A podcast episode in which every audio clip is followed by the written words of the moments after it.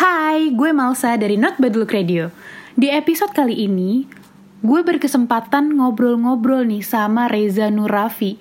Dia adalah seorang entrepreneur dan dia punya agensi sendiri. Bisa dibilang kreatif agency ya.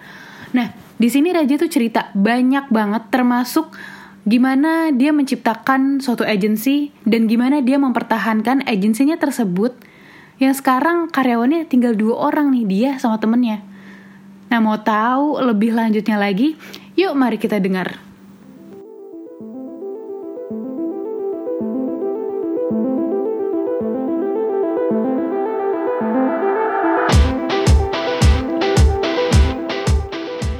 Udah belum sih? Oh udah. Jadi gimana?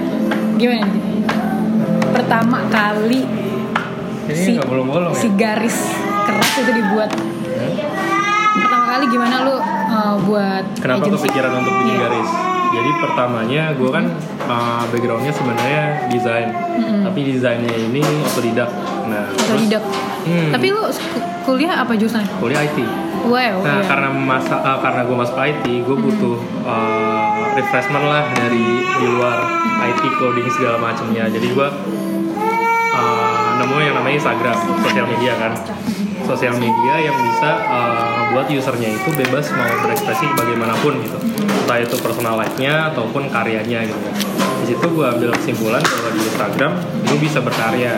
Tapi berkarya seperti apa gitu? Apakah desain yang seperti yang gue inginkan atau foto gitu?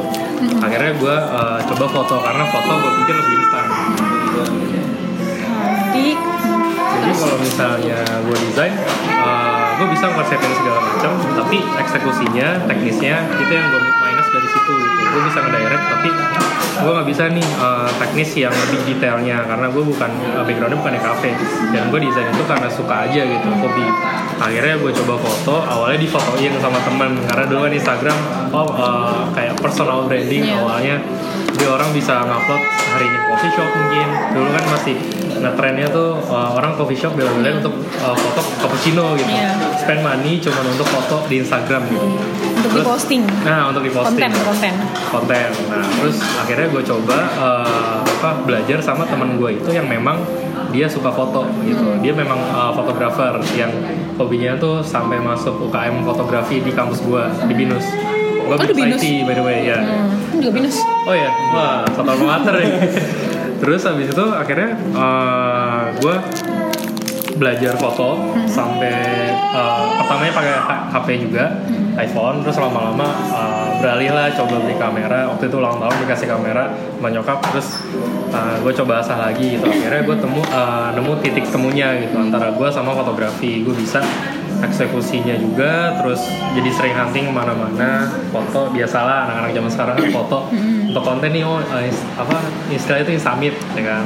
Nah tapi di tahun pertama tahun kedua 2013 2014 itu gue belum nemuin temen yang memang eh, link menuju ke arah sana gitu which is content creating gitu sama teman-teman yang sama-sama suka foto gitu. Gue cuma masih circle-nya tuh masih sempit gitu. Akhirnya 2015 awal gue ketemu sama teman-teman yang memang uh, satu perjuangan lah gitu. Itu teman kampus. Enggak justru di luar gitu yang namanya Boy lagi terus uh, Cahbro Oh, Boy lagi. Wih, ya, gila ya. Boy lagi Cahyo terus anak-anak yang sekarang udah jadi influencer gitu gue ketemu dan gue belajar dari mereka juga yang udah Ketemu sama mereka tuh gimana caranya bisa ketemu? uh, Insamit jadi awalnya tuh Apa? per Insamit Itu apa acara? Oh Event? lu gak tau Instamit? Enggak. Wow, wah bukan milenial berarti. Jadi Waduh. Instamit jadi. Instamit itu uh, user-user Instagram yang sekarang lu biasa uh, minta influencer untuk hadir di di acara yang disponsori oleh Red Iya. itu itu tuh uh, ketemunya pada di Summit. Jadi Summit Oh, itu kayak oke.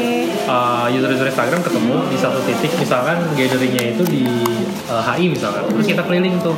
Biasanya budayanya adalah kita keliling foto terus uh, endingnya adalah hangout, foto bareng juga, terus ngobrol-ngobrol entah itu seputar kerjaan mereka Iya. atau di luar Instagram atau konten segala macam lah gitu. Sampai hal-hal yang sekarang kayak lo edit Fiesco filternya lo pakai apa sih? gitu. Nah itu awalnya dari Instagramer gitu. Instagramer tuh user-user Instagram yang memang hobinya tuh foto. Beda sama yang memang user Instagram tapi buat jualan kan. Itu bi- bisa dibilang bukan Instagramer. Terus akhirnya ketemu mereka belajar ketemu sama Mas Nanda juga uh, teman siapa lagi ya? Mungkin siapa tuh? Dedi ya Dedi Casanova. Dedi Casanova. Nah, itu juga karena itu karena circle itu gitu. Terus akhirnya eh, orang-orang mulai bikin suatu project mungkin uh, di bilangnya kolaborasi collaboration. Nah collaboration di mana satu sama dua biasanya tuh foto foto masing-masing posting di Instagram masing-masing. Terus uh, mungkin saat Facebook mau beli Instagram itu kan konotasinya lebih ke bisnis sekarang. Iya. dan orang-orang tuh uh, mulai cari-cari gimana caranya untuk uh, memonetize si Instagramnya mereka sendiri. Akhirnya muncullah yang namanya influencer segala macam kan. Jadi mendadak terkenal gitu ada selebgram segala macam. Nah cuman para instagramer ini mereka uh, power itu adalah di konten tapi untuk uh, visualizing mukanya dia interface mereka sendiri di Instagramnya mereka sendiri itu hanya sebagian orang. Nah jadi uh, orang-orang yang memang mukanya oke gitu cakep terus penampilannya oke itu kan biasanya beralih ke selebgram. Mereka uh, OTD apa segala macam. Tapi yang di balik layar itu mereka butuh sesuatu nih. Uh, entah itu tim atau mungkin bisnis langsung jadi PT atau segala macam yang memang stabil untuk uh, monetizing mereka sendiri. Nah akhirnya beberapa orang bikin tim. Tapi yang uh, dilihat dari tahun 2015 2016 awal itu orang-orang uh, konotasinya adalah oke gue foto fotografer gue foto brand atau foto uh, model atau satu lagi adalah rewet nah itu cuma tiga itu pilihan itu. Nah orang-orang di luar sana yang memang kenal sama Instagram mereka cuma tahu insight Instagram adalah uh, pertama jualan sama mereka cuman main aja gitu game. Tapi untuk struktural bisnis yang jualan mereka itu mereka masih belum tahu gitu. Karena mereka tahu oh Instagram segalanya Instagram for every people gitu. Tapi uh, gimana caranya membuat tim yang solid yang memang bisnis real bisnis gitu.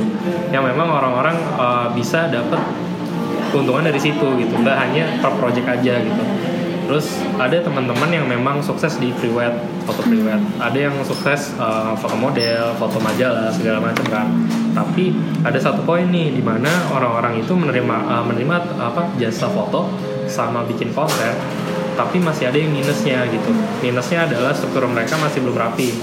Nah berarti kan uh, mereka tahu cara teknisnya tapi untuk strukturalnya mereka belum ngerti gitu. Dan itu kan kalau gue lihat kiblatnya adalah advertising. Karena mereka itu membuat konten interface-nya sebuah brand dan itu dijual gitu. Mereka uh, menawarkan jasanya. Dan untuk empower si sosial medianya juga kan. Dan uh, nggak banyak yang mengerti bagaimana caranya gitu ya secara detail yang profesional gitu. Akhirnya banyak teman-teman yang bikin juga termasuk gue juga tapi hilang nih satu-satu gitu. Ada yang pindah-pindah ada yang benar-benar uh, kerja di advertising gitu dan meninggalkan timnya itu. Ada juga yang tetap maju tapi kurang gitu loh kurang asupan ilmu kalau gue bilang gitu. Nah kalau dari garis sendiri itu awalnya memang karena foto teman-teman juga foto tadi berlima orang Nah lima orang ini uh, sebut saja ABCD. Nah tapi si lima orang ini backgroundnya sebenarnya sama foto juga. Nah dari lima orang ini uh, ada yang udah kerja, ada yang masih kuliah kayak gue waktu itu, yang lagi skripsi juga, ada yang uh, memang apa dia memang gak ada kerjaan tapi dia memang ahli di bidang itu gitu foto. Tapi semuanya foto gitu. Terus tapi kan uh, membuat bisnis itu nggak sekedar, bisa teknis ya kan butuh uh, mungkin bagian keuangannya bagian uh, strukturnya mungkin uh, cara ngomong ke orangnya gitu nah dari lima orang ini uh, mereka pinter foto dan gue milihnya tuh orang-orang yang memang uh, kenal dari awal dan mereka ahli di bidangnya masing-masing salah satunya ada yang bagian marketing juga ada yang tapi mereka uh, instagramer juga gitu Oke, oh influencer juga. influencer juga bisa dibilang influencer, juga Eh, anyway, gue pengen nanya sebelumnya deh. Hmm. Sebelum lu mulai ini, itu lu udah jadi influencer dulu atau belum? Bisa dibilang Udah. influencer sih. Agak skeptis gue dengernya karena dibilang influencer juga gue bukan tipe influencer yang memang uh, tiap minggu tuh ada kayak oh ini uh, post post post gitu. Karena gue juga ngeliat dari personal branding gitu. Karena uh, secepatnya lu merusak image lu sendiri di sosial media itu pasti apa ya kayak efek domino. Jadi ke belakang tuh pasti tawarannya makin hancur gitu. Jadi di, uh, di mana lu mau berjalan ya lu harus tentuin dulu dari awal. Dan gue uh, menempatkan diri gue itu di branding yang memang suka sama seni gitu. Walaupun gue nggak terlalu seniman banget gitu karena gue masih menyetarakan idealisme gue untuk membuat sebuah konten. Jadi kalau misalnya ada uh, brand yang masuk ke gue tapi ternyata gue ngesrek ya gue nggak ambil gitu karena uh, di samping nggak cocok juga gue juga nggak suka gitu ngapain gue bikin effort yang itu menghambat perkembangan gue di sosial media gitu terutama personal branding sendiri Nah, terus lima orang itu uh, gue ketemu mereka di namanya Worldwide Summit. Gue tau Worldwide Summit WWM? Enggak. Jadi uh, tiap tiap dua tahun sekali itu Instagram ada yang namanya event WWM Worldwide Summit di mana tiap dua tahun sekali itu dari seluruh dunia tiap negara itu bikin event dan penyelenggaranya adalah kita kita sendiri community gitu istilahnya community. Tapi bukan berarti community uh, apa ya swasta yang lo bikin komunitas komunitas sendiri terus lo bikin ada announcement segala macam enggak. Tapi community di sini adalah semua siapa pun itu bisa ikut. Entah itu lo nggak ngerti Instagram tapi lo pengen masuk ke Instagram itu boleh masuk. Dan nggak ada biaya nggak ada apa pun gitu. Jadi misalkan ada namanya WWM Jakarta WWM Bandung misalnya dan di itu di Indonesia uh, tahun 2013 sampai 2016 itu booming banget. Karena di situ ajangnya orang ketemu uh, teman baru apalagi networking kerja gitu kan. Semua ketemu di situ terus biasanya budayanya adalah foto bareng terus kenalan dan uh, semua itu pasti kan ada yang ngurus. Nah yang ngurus itu adalah user-user Instagram yang memang sudah mengerti gitu. Dan dan kalau misalnya ditanya kriterianya apa aja bebas siapa pun. Ya misalnya uh, dari Jakarta nih eh gue mau dong jadi panitia gitu nanti uh, biasanya sentralnya adalah yang user lama yang udah lama banget. Itu salah satunya boy lagi gitu. Waktu itu boy itu WWN 13 tahun 2015 kalau nggak salah 14 ya? 15 kayaknya. Itu semua orang uh, ngumpul gitu ya. Memang mau jadi panitia dan gue salah satunya gitu. Di situlah uh, gue belajar organisasi. Gila uh, di apa setelah gue osis gitu di SMA kan sama SMP terus gue belajar struktur organisasi di mana orang-orang itu backgroundnya beda-beda nah uh, beda-bedanya di mana? Ya bisa dibilang apa ya segmentasinya tuh beda. Ada yang anak motor mungkin ada yang uh, fashion enthusiast ada yang gua anak kuliahan ada yang udah kerja kayak boy gitu. Dan pola pikirnya tuh beda-beda pasti kan apalagi baru kenal gitu. Akhirnya di situ brainstorming bareng-bareng terus terciptalah WWM 13 dan itu uh, World Wide Summit yang terbesar sedunia Oh, di ini 13 di di sini GBK di Indonesia. Iya. Wow. Dan itu ada satu apa ya kayak kayak apa ya? Ini buat pribadi kan? Iya, iya. Jadi ini ada kayak rahasianya untuk bisa masuk ke GBK kan itu hostnya bisa sampai 90 juta ke atas kan. Nah waktu itu karena memang dari tim itu ada yang kenal sama GBK gitu dan ternyata itu bisa direduce. Karena waktu itu kan mereka mau renovasi dan uh, mereka butuh promo gitu. Akhirnya uh, bisa dengan kocek yang orang masih bisa sekian ratus sekian juta gitu bisa gitu. Akhirnya eh, kebobolan lah itu GBK bisa dapet di situ bikin acara dan ternyata eh, karena namanya GBK orang-orang pada ke sana gitu pada datang dan Itu ternyata- gratis pas datang ke situ. Hmm, gratis, Oh, gratis. gratis. Karena yang bayar panitia. Oh, Termasuk gua. Dari panitianya 17 orang. 17 orang. 17 orang. Hebat lu ya. Iya. Makanya. Nah, terus 17 orang ini uh, patungan untuk satu hari disewa GBK dan itu uh, menghasilkan 3.200 pendaftar. Wih, gila 3000. Nah, 3.200. Nah, 3.200. Terus yang datang itu sekitar 2.800 lah. Terus akhirnya eh, setelah GBK terus ada lagi WWM berikutnya kan kan satu tahun dua kali ada WWM 14 yang itu 13 yang ke 13 yang 14 15 16 nah sampai akhirnya eh, di setelah WWM 13 karena Indonesia terbesar eh, komite dari Instagramnya langsung dari office-nya itu datang di Indonesia. Salah satunya community manager dari Jepang. Sama dari San Francisco juga. Nah itu biasanya uh, kebetulan boy kan yang biasa nemenin. Cuman kalau boy memang lagi berhalangan hadir biasanya gue yang nemenin gitu. Karena kayak biasalah turis keluar kan maunya makan padang istiqlal gitu. Biasanya nemenin gitu biasanya yang nemenin adalah ya panitia-panitia karena mereka kenalnya kan dari situ. Jadi dari office-nya kenal ke boy boy punya teman-teman yang memang panitia nah itu yang ngurusin mereka. Kalau datang ke Indonesia. Nah terus backgroundnya apa hubungannya sama garis balik lagi itu dari 17 orang itu mulai nih mereka punya uh, kredibilitas masing-masing. Mereka oh gue bikin ini gue bikin itu gitu. Oh, gue bikin brand gue bikin apa. Nah salah satunya gue bikin uh, gue punya cita-cita kalau memang uh, oke gitu dan hasilnya oke sampai WWM 16 itu kenapa nggak bikin suatu tim gitu. Tapi adalah perpecahan. Perpecahannya ini bukan gue kan tapi punya bisnisnya masing-masing gitu. Akhirnya ya gue nggak bisa memaksakan gitu. Terus gue ambil yang memang satu visi sama gue saat itu akhirnya lima orang nih ada yang desainer. Lalu berlima nih jadi ya? berlima. Ada yang desainer gue kuliahan. Ada temen gue kuliah juga. Satu lagi yang memang bidangnya marketing di LSPR terus uh, berarti jago ngomong kan? Makanya gue ambil gitu. Buat jualan gue gitu. Terus akhirnya lima orang ini uh, tersisi nih. Karena memang ada yang tawarin segala macam terus sekarang gue tinggal berdua berdua nih. Terus berdua ini uh, yang satu dia yang marketing itu sama gue yang biasanya bikin konten. Nah terus Berarti sebelum sebelum garis jadi Hmm. itu udah berlima apa pas udah jalan berlima tapi lama-lama yang tiga ini ke udah uh, pergi? pertama kan dari 17 panitia. Terus uh, 17 ini tersisi di WWM break- berikutnya uh, tersisi lagi kan. Terus dari yang WWM berikut berikutnya ini mereka punya bisnis masing-masing. Sekitar 10 orang lah. Akhirnya gue ambil lima orang. Karena yang satu kan misal uh, kayak boy waktu itu nggak ada waktu gitu loh untuk uh, bikin bisnis karena dia kerja. Benar-benar ini kan 9 to 5 gitu. Terus si boy juga uh, kan apa namanya garis awalnya itu garis ini sebenarnya mau bikin majalah. Dan itu gue uh, izin ke boy. Kenapa ke boy? Karena waktu itu boy kan yang uh, kenal Instagram karena boy gitu. Jadi gue izin boy boy uh, dan sekalian ngajak boy mau nggak kita bikin majalah? gitu. Karena di sini orang-orang uh, melihat sosial media itu hanya di Instagram dan mereka nggak ada he- headline news atau segala macam yang memang sentralnya untuk cari info tentang konten tentang segala macam. Namanya garis. Garis itu apa? Gara-gara Instagram. Oh gitu. itu tadinya. Dan itu kan uh, boy punya project.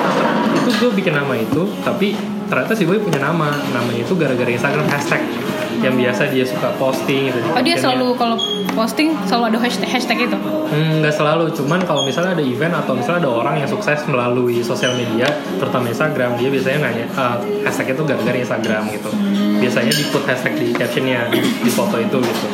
Terus akhirnya gue tawarin mau nggak gue bikin aja, oh, oke, uh, ayo jalan aja. Ini sebelum WM 13. Nah terus uh, akhirnya di WM 13 ada announcement nih dari Instagramnya uh, yang uh, 13 is coming gitu. Akhirnya bikin panitia lah dan uh, majalah itu tertunda gitu si uh, Boy juga bilang waktu selesai WM karena sukses banget. Terus Boy juga bilang ke gue uh, gimana nih? Majalahnya jadi ketunda. Uh, gue bilang ya udah nggak apa-apa. Uh, yang penting idenya tuh masih ada gitu dan belum dijalanin sama orang lain.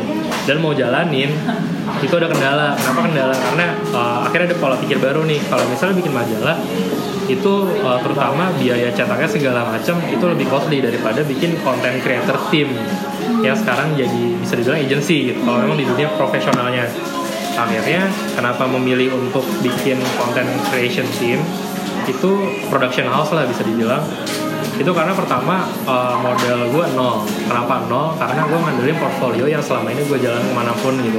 Ke coffee shop moto orang moto uh, pemandangan itu gue kumpulin. Dari lima orang ini ngumpulin ngumpulin untuk jadi sebuah portfolio. Apalagi teman-teman yang dari lima orang ini pernah kerja juga kan di kafe di mana dikumpulin lah itu. Dan jadilah sebuah portfolio itulah modal utama garis gitu. Jadi Uh, terus gimana workflow kerjanya selama sehari harinya gitu sehari harinya adalah ya ke kafe kayak gini uh, apa Gak beli punya tempat kerja. nggak ada waktu itu belum ada ini kantor baru-baru tahun ini Oh, oke. baru sebulan bulan Oh daerah mana? di Pondok Labu terus um, dari lima tadi sampai mana ya Bukan gue lupa. Oh ini apa namanya? oh modal ya Modal, modal. modalnya dari situ dari portfolio dan dari portfolio itu kita sebar-sebarin. Ah. nah ternyata project pertamanya garis kebetulan uh, bisa dibilang besar. Lu tau Genota nggak? Genota. Gerakan Nasional Orang Tua Asuh. Tahu. itu uh, apa sih namanya? Bukan asosiasi apa namanya? Lembaga. lembaga lembaga yang salah satu tertua kayaknya tertua di Indonesia. Itu waktu itu dia punya uh, ini apa? Punya acara event kayak dinner uh, dinner gitu. Gala night cuman uh, gala dinner sorry. Gala dinnernya itu dia nggak punya uh, divisi kreatif. Karena memang mereka lagi katanya lagi memang menurun gitu. Karena banyak yang uh, lain itu apa namanya tadi gue bilang lembaga lembaga lembaga. yang memang udah kenal sama sosial media. Nah Genota belum gitu. Akhirnya dia cari di sosial media gimana nih untuk cara biar gala dinernya itu uh, ada kayak banner segala macem kan. Nah dari situlah gue kenal namanya advertising. Oke. karena itu bisa bikin konten segala macam tapi keperluannya bukan untuk uh, production house kan bukan untuk konten aja gitu. Tapi kontennya lebih ke sebuah acara event gitu. Nah di situ dan salah satu teman gue desainer gue saat itu David namanya nah si David ini uh, dia desainer full memang kerja di agency gitu. Jadi di situ kebetulan dia baru cabut dari agency sebelumnya terus akhirnya dia, dia- bisa menyempatkan waktu untuk desain untuk acara itu. Akhirnya uh, itu jadi klien pertama garis. Jadi ngedesain dari banner video segala macam di gala dinner. Terus setelah itu uh, ada nih tawaran masuk lagi. Dan itu anehnya adalah kenapa gue bisa ada hubungannya sama sosial media? Karena si ada namanya Kemen uh, Kemenpar. Kemenpar, Kemenpar apa? Kementerian Pariwisata, PU PU lu tau PU nggak? kerja umum. Iya, Tahu tahu. Kementerian PU, PUPR, sorry, bukan Kemenpar. Jadi PUPR itu ada orang dan uh, orangnya ini adalah dia S2 desain di TB. Tapi dia maksudnya PUPR, kan aneh kan? Iya, wow, pemerintahan. S2. Ternyata PUPR itu dia bikin divisi kreatif. Divisi kreatif ini kenapa bisa? Karena mereka biasanya dari sosial media, oh ternyata lagi booming nih kreatif gitu. Akhirnya dia bikin divisi lagi. Jadi gue ambil kesimpulan pemerintahan sekarang saja sekarang aja udah bisa bikin divisi kreatif gitu, in house sendiri. Nah, tapi in-house-nya adalah cuman ngedirect doang. Uh, pekerjanya, uh, employee-nya, teknisnya itu dia nyerahin ke agency-agency. Karena gue belum legal, belum ada PT dan uh, masih freelance lah gitu. Dia cari tuh ternyata nemu gue dari Instagram. Oh ternyata uh, nggak hanya gue doang, teman-teman gue yang di Instagram pun diambil juga gitu. Tapi uh, dari portfolio, akhirnya gue dapet menang tender lah istilahnya. Apa? Menang tender, Oh, tender. Pitching, pitching. Pitching, menang pitching. pitching. Terus tim gue akhirnya dikirim ke Kalimantan, Papua. Eh pakai garis nih si kem, Garis. si PUPR ini. PPR Wow. ya. Tapi eh, apa waktu itu garis belum stable gitu. Heeh. Jadi belum ada service yang memang uh, price-nya untuk konten ini, sosmed ini apa belum ada gitu. Akhirnya bisa dihitungnya freelance. Tapi gue atas namain garis itu salah satu eh, apa portfolionya garis gitu. Tapi saat itu karena gue kuliah, akhirnya yang jalan adalah teman-teman gue yang memang udah lulus atau uh, lagi kosong gitu, yang freelance juga. Dan lima orang uh, nggak nggak cuma lima orang aja, tapi ada beberapa orang yang gue tarik juga gitu. Ini ada project nih kayak kayak ini aja kayak freelance freelance gitu. Karena Kalimantan tuh seminggu. Seminggu. Iya Kalimantan Utara, Barat, Selatan sama Papua kalau nggak salah. Gila. Seneng sih, cuman di sana itu adalah karena PUPR kerjaan umum, jadi motonya tuh moto air, Iya. foto trotoar. Formal gitu ya, foto Iya, formal. foto-foto inilah teknisnya mereka gitu. Terus akhirnya itu, itu udah selesai. uh, terus apalagi nih yang kurang gitu? Oh ternyata kita belum ada portfolio makanan. Walaupun teman gue yang uh, beberapa pernah motoin restoran, cuman itu kan pribadi mereka dong. Gue harus ada portfolio yang benar-benar gue direct sendiri gitu dan lima orang ini yang kerja benar-benar full. Akhirnya bikin portfolio lah kita cari yang lagi booming adalah coffee shop terus uh, gue waktu itu ke kopi mana 27 ya itu gue nawarin mau nggak di foto untuk portfolio tapi uh, lo nggak usah bayar ke gue biar kita tukeran aja paling costnya untuk mereka adalah makanannya kan jadi free gitu. Cuman untuk foto studio itu dari garis modalnya dari situ. Karena udah ada di sebelumnya kan. Terus akhirnya bikin bikin uh, yang foto untuk kopi mana 27 sekarang dipajang di kopi mana 27 juga. Kalau ke sana ada Oh, itu hasil garis. hasil garis. Iya. itu gue sih yang moto sebenarnya. Hmm. jadi teman-teman gue uh, ada yang desain juga dan yang foto itu uh, salah satunya gue sama teman gue berdua. Jadi bagi-bagi tugas gitu. Ada satu lagi yang nggak moto tapi dia pitchingnya. Pitching. Nih. AE nya AE, AE, gitu. terus uh, itu udah selesai nah kita bikin portfolio segala macam. Tapi ada lagi nih yang kurang. Yang kurang adalah sebelumnya desainer gue itu uh, dia jago desain tapi kan desain macam-macam nih. Ada yang uh, for cinema 4D yang 3D image gitu kan. Ada yang branding ada yang memang uh, apa illustration gitu. Dan teman gue ini bisanya adalah di uh, concepting. Concepting SketchUp di Photoshop juga gitu. Lebih ke advertising gitu. Banner kayak uh, print ads sorry print ads. Nah, si uh, terus nah gue pengen memperkuat brandingnya dan brandingnya ini gimana? Uh, kenapa gue pikir gimana? Karena teman-teman gue udah pada cabut tuh waktu itu, cabut cabut desainer gue pun cabut karena memang dapat pekerjaan yang settle gitu kan. Terus gue tinggal berdua nih, gue bingung. Akhirnya gue cari uh, di kontak. Ini siapa nih yang bisa nih desain? Terus di following gue kan nih siapa nih yang bisa gue cembalin kerja kerja bareng gitu. Terus ternyata ada temen SMP gue gue ingat. Dia uh, sekolah desain gitu di uh, eh, IHS itu high school sih cuman eh, katanya denger-dengar dia sekolah desain. Terus gue tanya lagi Del lu desain namanya Adel. Del lu desainnya di mana gitu? Lu sekolah di mana? Gue lagi di SF. SF mana? San Francisco? Oh jauh banget ya. Oke. Francisco aduh. akhirnya gue kontak lu kapan balik? Terus ternyata dia eh, secara takdir jadi dia ke Indonesia ke Jakarta itu eh, kayak transfer student ke LSPR karena ada eh enggak bukan LSPR Lasal. Oh lah salah. Lasal. Itu dia ada masalah apa di balik itu gitu. Cuman dia transfer student eh, terus akhirnya kan jadi di Jakarta juga gue bisa tawarin. Dulu mau nggak eh, untuk ngedesainin? Garis dan dari situ gue kenal yang namanya Stephen Sackmeister terus Ogilvy, Miro terus apalagi ya kalau di luar tuh banyak banget deh gitu kan. Agensi-agensi lainnya. agency-agency dan tokoh-tokohnya gitu seniman-senimannya ada siapa lagi ya banyak deh gitu salah satunya Stephen Sackmeister yang ternyata Stephen Sackmeister ini gue gak mau sebut merek cuman ada agency di Indonesia itu yang ternyata kiblatnya tuh ke Stephen Sackmeister Oh iya. Iya, dan logonya mirip gitu. Dan gue ngobrol sama memang teman dekat juga. Ngobrol kok eh, ini desainnya oke oke banget kayak Steven Sackmeister gitu. Oh iya itu emang kiblat gue gitu. Oh ternyata Dan influence-nya sama itu ya. Iya dan gue gue beranggapan kenapa dia bisa sukses banget agensinya di sini. nah itu eh, karena mereka ngebawa alur yang memang belum ada di Indonesia, tapi mereka ngebawa itu dari luar. Karena mereka akan kiblatnya ke sana. Nah, terus gue ambil kesimpulan berarti di eh, di lain apa di samping bisnisnya harus oke, di samping kontennya harus oke, tapi interface-nya harus oke juga dong. Interface ya which is brand identity. Dari mulai eh, apa? Ini masih lama ya? Dari mulai eh, strukturnya terus kayak logo itu yang paling utama kan dan dari color matchingnya color patternnya terus dari eh, apa kayak fontnya.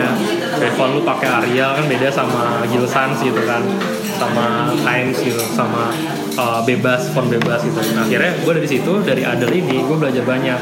Dari tokoh-tokohnya dari eh, teorinya gue dipinjemin buku juga desain segala macam Uh, sampai-sampai gue kenal yang namanya kalau dilihat oh ini fontnya fontnya Helvetica gitu. Gue sampai tahu gitu. Dan itu kan kerjaan dia di kafe kan. Tapi uh, gue ini backgroundnya IT dan gue suka foto gue nggak ada teknis ke desain sama sekali. Mungkin bisa tapi sekedar Photoshop sekedar layouting aja gitu. Design gitu kan sederhana gitu. Terus uh, gue belajar dari Adel cara-caranya sedikit. Kebetulan si Adel kena musibah jadi musibahnya ini perlu cerita gue juga nggak? Apa? musibahnya perlu cerita juga kan Iya, nggak apa-apa terserah. jadi jadi musibahnya ini kan umroh kan jadi umroh terus uh, kecelakaan lah gitu serius? iya Pesawatnya? uh, mobilnya mobilnya Di sana? kebalik di sana Oh my god, terus terus ada yang meninggal lah keluarganya gitu keluarga dekatnya gitu orang tua terus akhirnya gue minta istirahat dulu za gitu. Gue kayaknya nggak nggak sanggup dulu di garis karena gue ngurusin keluarga. Gue bilang "Ya udah nggak apa-apa it's okay gitu. Lo ngurusin keluarga dulu nanti garis gampang lah biar gue kan gue udah diajarin lu juga gitu. Kebetulan gue bisa lah untuk ngedirect nanti tinggal gue cari mungkin teman-teman gue bisa desain. Oh ya udah gitu. Akhirnya lepas di situ tapi branding garis udah jadi kebetulan. Dari mulai logo dari uh, pokoknya brand identity semuanya udah kelar. Sampai fontnya sampai uh, apa typography 101 gitu design 101 semuanya udah kelar. Terus uh, berarti tinggal gue berdua. Tadi kan bertiga nih sama Adel. Jadi tinggal berdua lagi. Nah berdua lagi. Tapi tawaran kantor udah ada gitu. Dan kantor uh, itu pun masih rumah gitu. Bukan kantor kayak office Oh, tempatnya, building. tempat ya, tempatnya rumah gitu. Uh, itu jadi office. Sekarang baru jalan sebulan setengah kalau nggak salah ya ya sekitar sebulan berarti setengah garis masih ya sekarang ya? Masih Kenapa? aktif ya? Si garis ini masih aktif. karena uh, si Adel cabut teman-teman yang berlima kan pada cabut semua kan tinggal berdua ini terus Adel terus tinggal berdua lagi gue udah beli peralatan udah beli meja kursi segala macam interior tuh udah ada, Udah ada. gitu sayang kalau nggak dilanjutin dan gue janjian sama teman gue Gevaldi namanya yang marketing itu yang jago ngomong itu Ay, ay, jago pitching. Jago pitching, gue bilang ke dia Gif gimana Gif? Ya udah kita tetap buka. Akhirnya untuk tiga bulan pertama karena memang kontraknya tiga bulan dan kita tiga bulan ini sekalian pitching ke coffee shop ke yang lain-lain. Tapi uh, kita harus punya planning nih. Kita nggak bisa kayak gini aja karena kalau misalnya kita kayak gini aja dan belajarnya dari cuman ngobrol sama orang itu kita nggak akan berkembang gitu. Akhirnya gue sama Gif cari kerja jadi planning gue sekarang ini adalah gue harus uh, bisa di luar sana kerja dulu dan si Jeff juga dan nanti kalau memang garis ini harus dipospon, it's okay dipospon tapi ini merupakan ide jangka panjang gitu. Nggak cuma sekedar sebulan dua bulan kan? Terus uh, nanti soon mungkin akan balik lagi gitu. Atau uh, pilihan keduanya adalah Senin sampai Jumat 9 to 5 tapi nanti Sabtu Minggu kita kerja dari atau bisa diatur lah. Atau kita juga bisa nge-hire orang yang memang teman-teman juga untuk kerjain pas hari kerja gitu. Kan Maintain banyak kali ya, maintain maintain. kan. Kan banyak uh, ini kayak apa kayak possibilities gitu terus uh, udah gitu garis sekarang apa lagi ya? Jadi sampai sampai situ sih sekarang. Terus itu sekarang. Tapi sekarang masih ya masih. Dari sekarang uh, kemarin terakhir ngerjain selain yang coffee shop coffee shop coffee shop Seven Speed juga salah satunya. Seven Speed Coffee di Kemang terus uh, kebetulan Seven Speed itu kan uh, linknya luas waktu itu ada kerjasama sama Manual Jakarta jadi ada di BMW juga jadi sekalian foto BMW juga foto uh, di mana ya apa sih namanya kayak interior gitu loh toko interior design di Kemang itu juga Polyform namanya Berarti ini jatuhnya creative agency ya? Creative Agency. Creative agency. Dia Digital ada belum sih. placementnya gitu nggak? Placement gitu ya kayak placement di Facebook, di Instagram tapi paid. Hah? Tapi paid gitu. Hmm, ada. Oh ada pernah ada juga. Pernah di Instagram. Maksudnya ads. Iya ads Ya, Instagram. ads gue pernah pasang di Instagram dan justru orang-orang tuh kenalnya dari ads. Oh gitu. Jadi kenalnya tuh Instagram cuma dua. Pertama orang-orang yang memang kenal sama gue sama Jeff atau sanak saudara mereka gitu. Mereka tahu oh ini dia bisa foto dan ini sebenarnya kalau gue lihat strukturnya agak salah karena memang uh, gue ini menciptakan garis untuk menjadi creative agency. Sedangkan orang taunya gue foto doang nggak tahu gue bisa desain gitu. Tim gue ternyata bisa desain juga provide service design juga gitu. Sama sosial media juga untuk empowering maintain terus uh, ads gitu. Mereka nggak tahu itu gitu. Mereka taunya fotografi foto. Gevaldi uh, itu Desain. linknya banyak tapi foto juga gitu. Jadi akhirnya nggak ada nih untuk menuju uh, ke creative agency. Itulah PR gue sama Gev gimana caranya merubah mindset orang terhadap garis Nah, which is gue harus kerja dulu gitu. Kerja, dapet ilmunya, cabut, balik lagi. Tapi kalau range-nya berapa tahun gue kerja itu belum tentu. Kali aja gue nyamperin tempat kerja gue gitu. Garis menjadi side job, itu oke okay sih menurut gue gitu. Karena waktu itu gue pernah ngobrol sama siapa ya? Ada salah satu teman gue di agency juga. Kayaknya dia influencer juga deh. Jadi, tapi gue lupa nih siapa. Gue gak mau sebut nama ya. Mau lupa. Jadi eh, dia bilang, oh Mas Akbar, Mas Akbar Capri, kakaknya Hernanda Putra. Oh, ah, gue tapi nggak tahu sih. Oh, nggak tahu Gue ya? yang tadi gue tahu. gue gue kemarin ngobrol sama Mas, Akbar kan. Jadi gue cara gue bagaimana bisa networking dan terutama menjual garis juga gitu. Tapi lebih ke networkingnya sih. Menjual garis itu side lah. Gue biasanya seminggu itu eh, kayak punya rules buat diri gue sendiri. Gue harus ketemu sama orang. Nah, contohnya gini, sebelum jadi itu dimulai dari bulan lalu kalau nggak salah. Jadi seminggu ini, syukur-syukur lu, gue bisa ketemu dua orang gitu atau tiga orang empat orang dalam seminggu. Tujuannya apa? Tujuannya untuk dapat ilmu dari mereka. Itu Dapet pasti ada insight ya. Cuman itu sebenarnya kedengarannya biasa, tapi uh, insightnya kalau memang ngobrol dari pagi sampai sore itu beda kan daripada cuma dua jam doang gitu. Insightnya bisa lebih digali lebih dalam dan kebetulan gue pun kenal mereka dari Instagram juga. Gitu. Jadi syukurnya kenapa gue bisa ketemu mereka? Karena dari Instagram. Dari Instagram gue kenal orang nama Islam segala macam. Sampai karyanya dikenal sama memang influencer yang udah pernah jadi influencer. Lo sama bisnis profesional lah gitu. Uh, praktisi gitu. Kenal gue juga dari Instagram juga gitu. Akhirnya gue ketemu salah satunya dari orang agency juga dari Ogilvy itu gue ngobrol segala macam dapet insightnya terus ketemu lagi siapa. Walaupun profesi mereka mungkin ada yang memang nggak uh, sejalan sama garis gitu contohnya Mas Akbar. Mas Akbar kan VM kan apa visual merchandiser kan. Jadi kayak lo tau visual merchandiser ya? Konvensional gitu ya? dia kayak ini loh uh, jadi kalau toko di depan kan ada mannequin terus ada kalau summer biasanya kayak gimana desainnya di di windownya. Oh, itu Nah, dia itu visual design. merchandiser dan gue belajar dari, dari situ juga terus gimana caranya segala macam. Nah gue integrate sama gue dapat benang merahnya sama garis.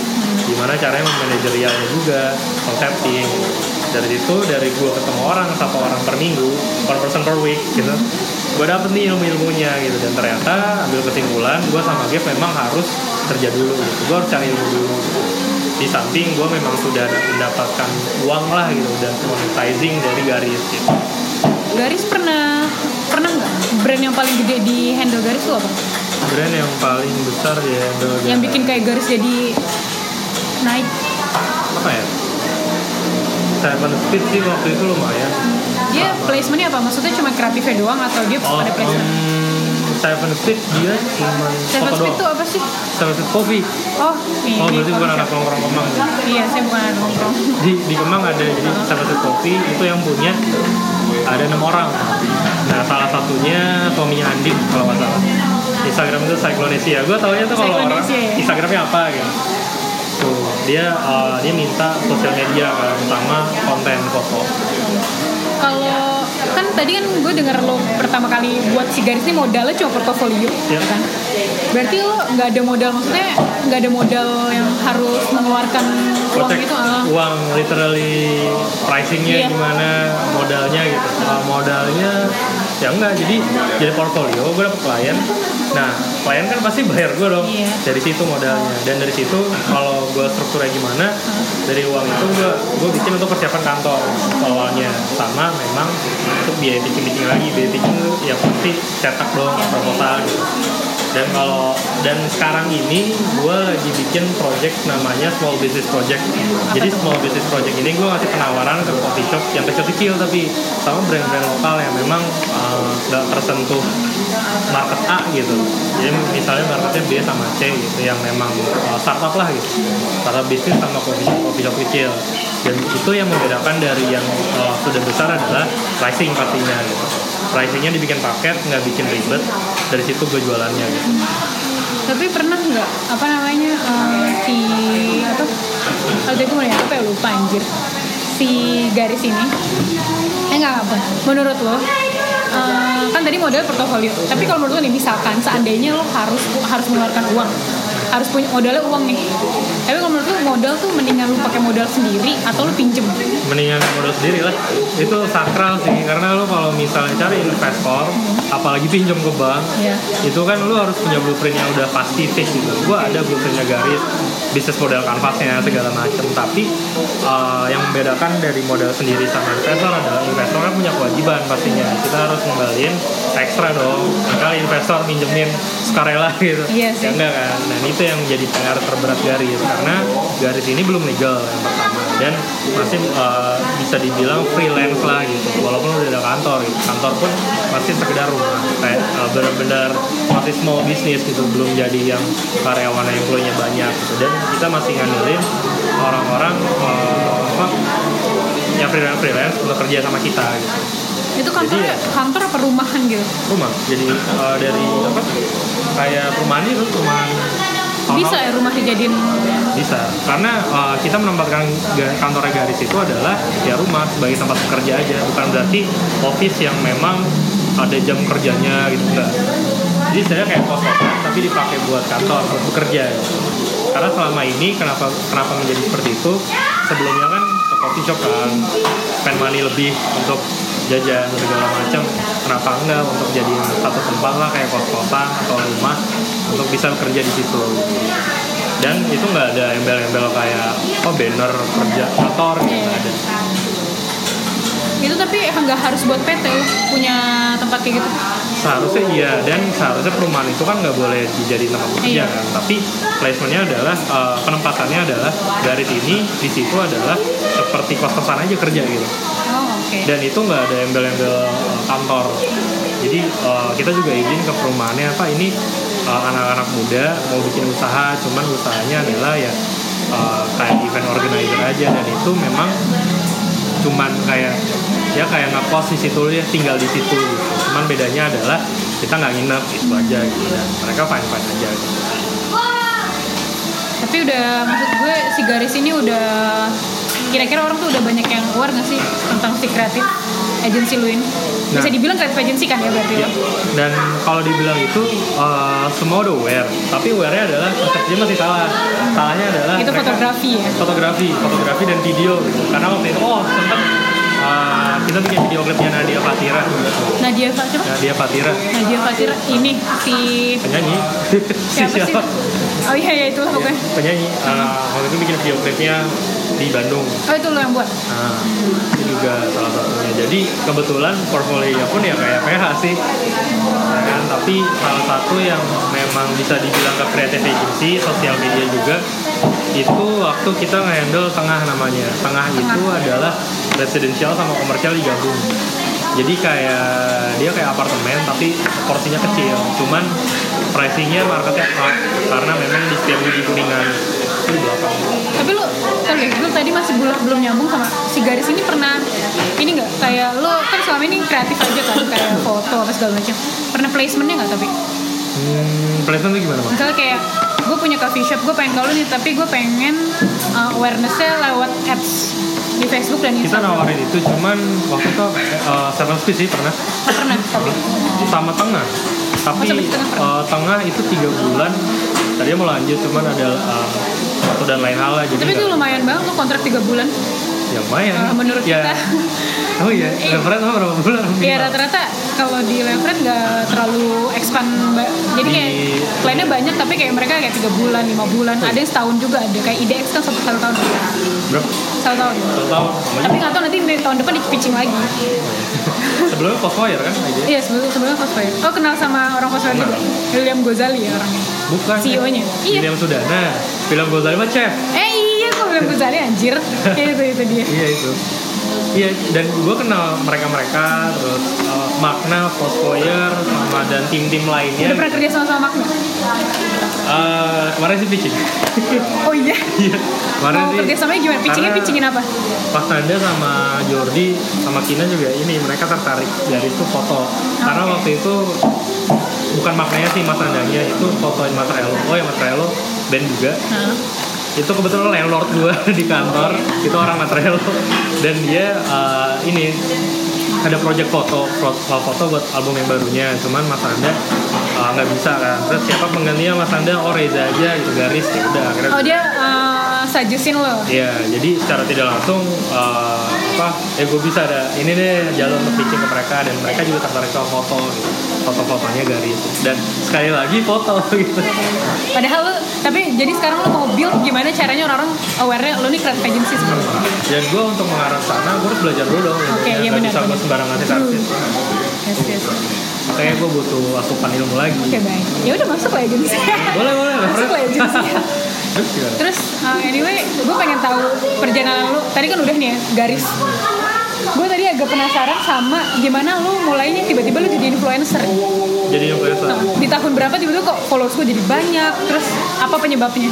Uh, Awalnya gimana? ada tiga pertama konten bagus udah pasti nah ini berantai kalau kontennya bagus dan yang kedua adalah lo behavior lo bagus di Instagram minimal nggak ngomong kotor lah di komen atau kayak nyindir nyindir segala macam itu kan kidos banget gitu loh anak-anak banget Hidos. Nah, dua orang ini udah bagus, eh dua dua aspek ini udah bagus. Yang ketiga adalah tahun 2000 sekian sampai 2014 itu ada yang namanya program suggested user. Apa? Suggested user. Jadi orang-orang eh, di Instagram yang fotonya bagus dan eh, aktif terus itu dipilih sama Instagram untuk menjadi suggested user Oh. dan itu di follow sama akun at Instagram selama dua minggu. Kalau lu eh, sekali nih jadi at Oh, suggest user. suggested ya suggest suggest user nah kalau kalau lu mau tahu suggested user itu siapa aja lu cek di followingnya akun at Instagram nah berarti kan Instagram lagi nge-follow nih orang-orang itu dan mereka lah suggested user tapi beda kalau sekarang Oh, iya, iya. kalau sekarang yang di follow adalah orang-orang yang capable banget yang benar-benar. DA gitu Viva atau Oh, uh, selebriti gitu. Kalau dulu itu karena marketnya masih kecil, ini juga gue suka nih strategi Instagram. Awalnya mereka nge-build Instagram dari community. Orang nggak dibayar, tapi mereka keluar keluyuran ke mana untuk foto. Nah, akhirnya ada suggested user biar orang bangga biar dapat oh gue dapat award nih gue jadi suggested user gue jadi S2 nih istilahnya. Jadi itu selama dua minggu dan itu tiap orang mau login mau sign up sorry mau sign up terus kan ada suggested for you itulah suggested user dari situ followers gue bisa banyak. Dulu kan belum ada ads gue dari situ. Oh, dari situ. Pertama dari kali? terakhir gue lima ribu followersnya dan setelah S tuh gue itu dua kali. Jadi sebulan tuh. Sebulan gue sekarang terakhir lima puluh tujuh ribu dari cuma lima ribu gitu gila naiknya ini banget deh. ya So, uh, banget anyway ya. temen gue juga ada kayak gini di leverage Hmm? Eh, dia tuh awal-awal kita juga kaget kok follow tuh banyak banget Main influencer Instagram ya. juga. Iya, Siapa namanya? gitu. Namanya Andrea, tau gak? Nama pak nama Instagramnya? X X X Andrea. Aduh gue lupa. namanya. Kayaknya pernah. Eh sorry, sampai Eh udah 11 ya. mau apa iya ya oke. Udah mau ini ya nonton ya. Udah sih gue pengen itu doang sih uh, sebetulnya kayak gimana lu buat Pokoknya kalau dari in general, biar bantuin lu paragraf pertama generalnya. Thank you. Jadi yang pertama, gue uh, kenal foto karena memang teman-teman fotografi dan gue masuk ke dunia sosial media terutama Instagram. Gue kenal orang-orang banyak di situ dan itu menginspirasi gue untuk membuat sebuah bisnis. Karena uh, salah satu fondasi Instagram kan community dan sekarang community manager semua di PHK timnya Instagram Uh, bukan PHK sih dipindahin ke Facebook tapi bukan community tim lagi jadi uh, kayak kebagian keuangan ke mana-kemana gitu. Cuman kan yang benar-benar community manager pasti cabut dong dari Instagram gitu. Karena udah dialihkan ke Facebook dan community semua di eh yang namanya FU gitu udah udah dipatahin semua. Yang tadinya ada WWM itu di cut semua. Jadi udah nggak ada lagi sekarang gitu. Akhirnya sekarang jalannya ya abu-abu gini orang yang memang baru banget nggak ngerti apa-apa orang yang memang udah lama ya mereka udah ngebangun bisnisnya masing-masing. Nah yang baru ini biasanya ngelihat ke orang-orang yang udah lama which is influencer. Makanya ada influencer. Jadi kayak penggantinya community dulu gitu. Dan gue salah satu orang yang mencoba membangun bisnis Soalnya gue sebenernya agak bingung juga sama influencer-influencer yang tiba-tiba kok followersnya banyak? Awal mulanya lu gimana? Gitu. Ternyata lu tadi dari salah satunya user. caranya itu. Atau be- beda juga yang memang profesional praktisi gitu di bidangnya masing-masing. Kayak Mas Nanda dulu juga itu kayak early adopt gitu. Dari awal Instagram baru muncul dia udah main. Biasanya tuh yang memang udah tinggi banget itu dari awal dia udah main sampai sekarang tuh udah punya nama tapi nggak menutup kemungkinan juga di tengah-tengah baru main dia sekarang juga udah punya sesuatu Sekarang kan gampang ya, kayak menaikkan pamor gitu. bisa pakai ads sekarang Iya bisa pakai ads sekarang. minum mana ya udah